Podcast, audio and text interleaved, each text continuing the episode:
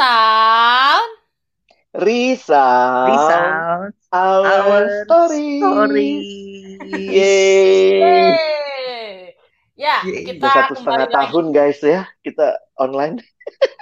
Hampir satu setengah tahun ya, Iya, ya, udah iya, lama iya. banget. tahun lalu. Covid lah. Nah, walaupun satu setengah tahun, tapi eh, kita masih pasti pernah ngalamin banyak hal lika-liku dalam kehidupan. Asik. Ngomongin lika-liku kehidupan, teman-teman pernah nggak sih, atau enggak eh, mungkin ada kali ya, teman-teman juga yang pernah ngalamin, dan gue pun pernah mengalami hal itu. Dan gue yakin dua temen gue juga pasti mengalami hal itu. Mengalami hal Mungkin, yang akan kita angkat saat ini gitu ya.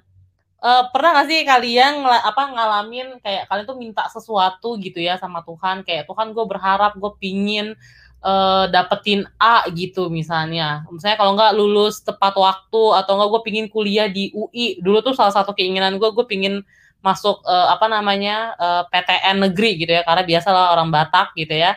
Eh, nyokap gue tuh pingin banget gue masuk PTN negeri tapi akhirnya gue nggak dapet di eh, di apa namanya di kampus negeri itu gitu kan. Nah, terus akhirnya gue masuk ke swasta. Gue sampai berpikir kayak Tuhan kok gue nggak bisa sih dapetin eh, sesuatu yang gue inginkan yang udah gue doakan dengan sangat eh, dengan sangat keinginan gue banget gitu. Maksudnya kayak gue bener-bener mohon banget sama Tuhan gitu. Tapi kenapa gian ada orang lain yang minta kayaknya dia nggak sampai kusuk gue gitu tapi dia bisa ngedapetin apa yang dia mau gitu.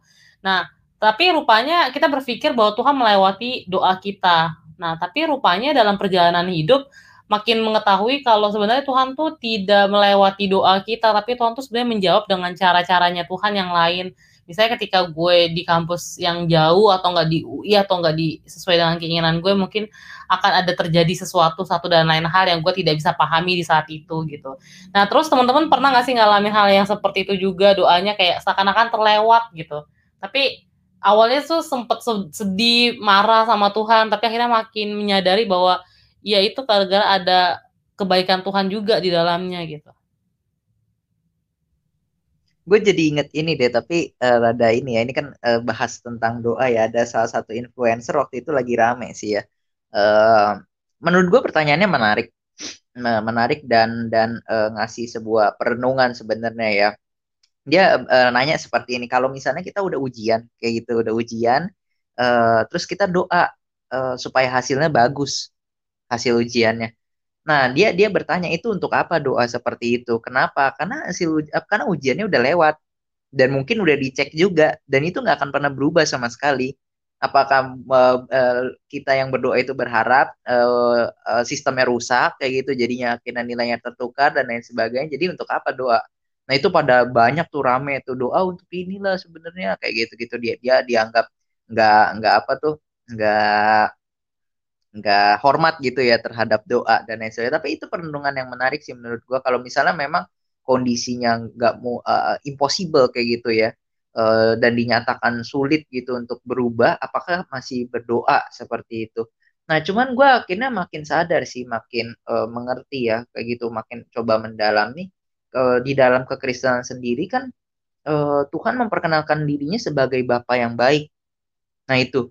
Nah, gue jadinya akhirnya mikir ketika akhirnya berdoa ya berdoa aja, minta aja tuh yang seperti kayak yang Novi bilang, minta aja ntar urusan Tuhan tuh mau jawab at- eh, iya atau enggak, karena kan dia yang tahu yang terbaik ya kayak gitu. Dan dan doa aja expect the best gitu yang yang yang bisa diberikan oleh oleh Tuhan kayak gitu Bapak yang baik. Karena kadang-kadang gue juga di dalam pergumulan eh, eh, hidup ya kayak gitu kerohanian tuh kayak kayak buat apa ya doa ya kayak gitu. Tahu ujung-ujungnya gue berusaha dan lain sebagainya.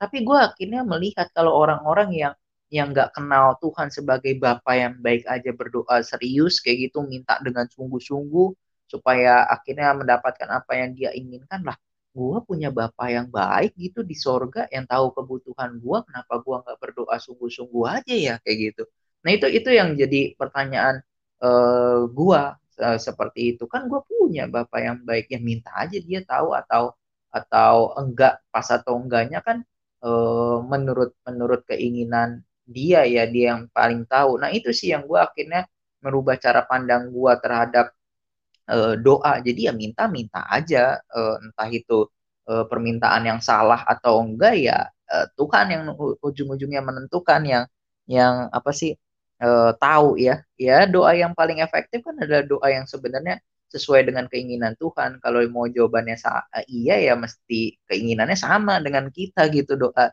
Nah, keinginan hati Tuhan masih sama dengan keinginan hati kita. Gue ngelihat gitu sih uh, jadinya ya. Kalau ngelihat uh, doa ada yang terlewat atau enggak ya mungkin jangan-jangan gue sendiri yang melewatkan gitu. Karena berpikir kayaknya Tuhan gak akan menjawab nih. Kayaknya gue nggak Tuhan nih kayaknya nggak peduli dan lain sebagainya. Nah itu sih pengalaman gue ya di dalam uh, berdoa gitu.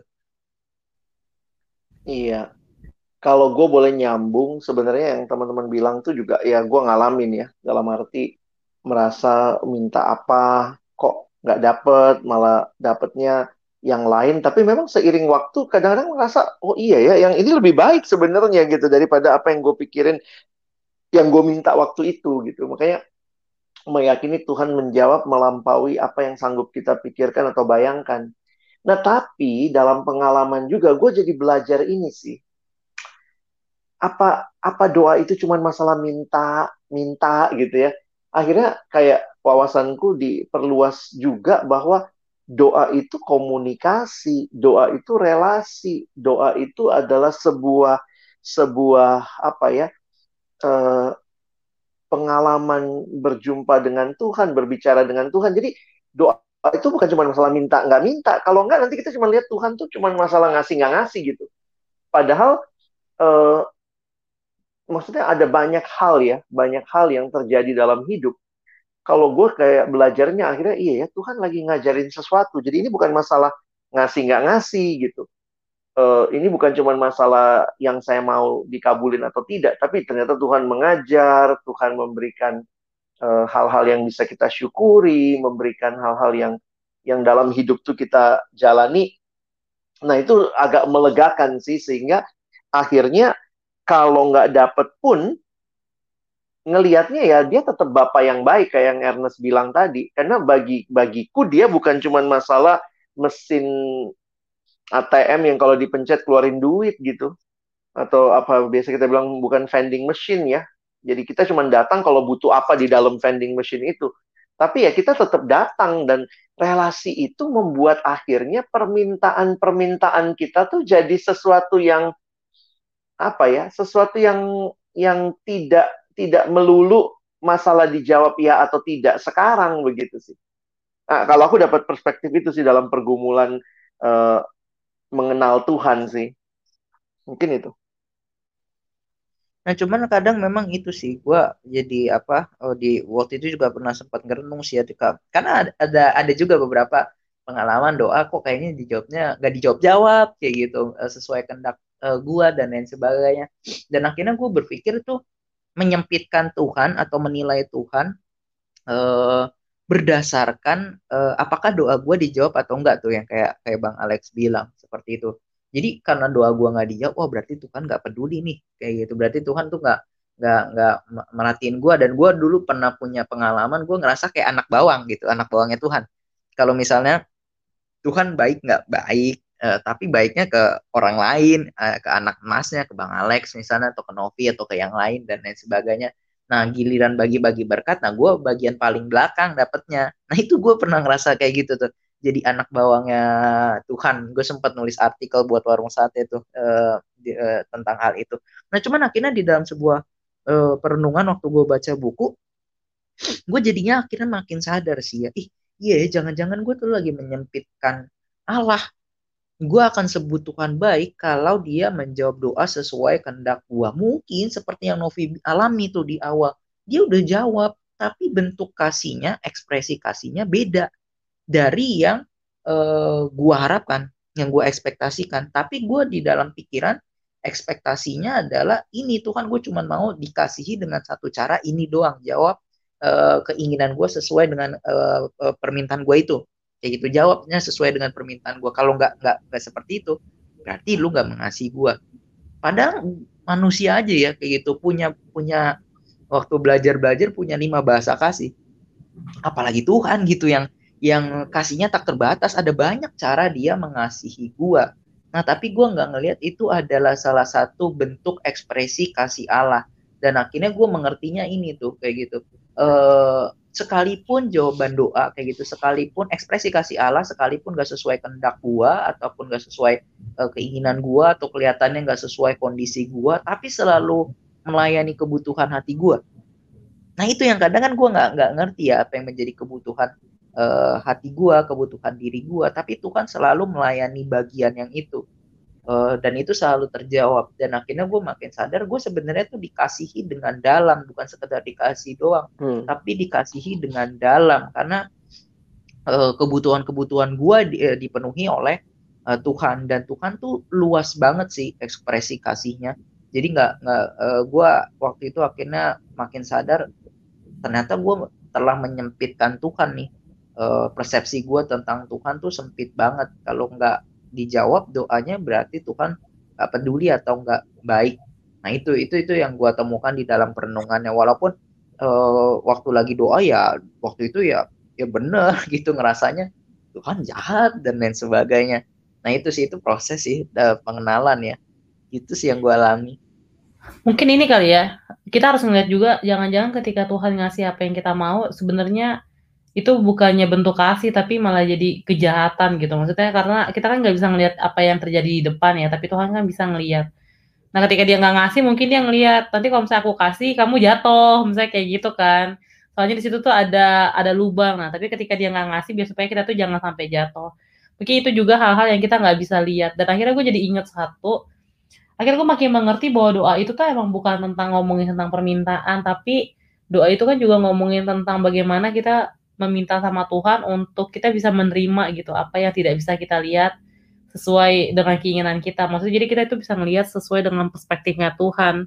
Jadi untuk mempersiapkan hati sih uh, apa namanya meminta Tuhan membantu kita tuh melihat sesuatu tuh sesuai dengan uh, bagaimana Tuhan melihat walaupun itu emang sulit untuk, diterima. Tapi makanya kita berdoa untuk ya salah satu doanya bukan cuman ini sih Tuhan kabulkanlah tapi Tuhan bantu aku juga melihat sebagaimana Tuhan melihat gitu biar supaya kita ketika jawabannya tidak sesuai dengan keinginan kita ya kita tetap bisa nerima gitu kalau Tuhan tetap baik. Itu sih yang gue yang gue lihat jadinya. Jadi bukan bukan tentang doa itu harus jawabannya sesuai dengan keinginan kita tapi bagaimana kehendak Tuhan dan kita juga ngikutin. Mungkin ini bisa ditutup oleh Bang Alex. Enggak, gue sebelum tutup sih malah mau ngangkat pengalaman lagi ya sebenarnya ada pengalaman yang bikin gue juga sadar bahwa doa itu lebih dari sekadar permintaan. Pernah nggak teman-teman ngalamin ya nggak tahu, tapi kalau dari dari cerita gue ada hal yang dulu gue minta terus kayak tiap hari, tiap bulan, beberapa tahun, terus lama-lama gue lupa doain. Rasanya kok Tuhan nggak jawab. Tiba-tiba misalnya 4-5 tahun kemudian setelah gue lama nggak doain, terus Tuhan jawab dong. Itu tuh kayak jeng-jeng gitu ya membuat gue sadar bahwa iya ya sebenarnya uh, Tuhan tahu apa yang gue butuhin lebih daripada gue yang sanggup meminta apa yang gue rasa gue perlu gitu.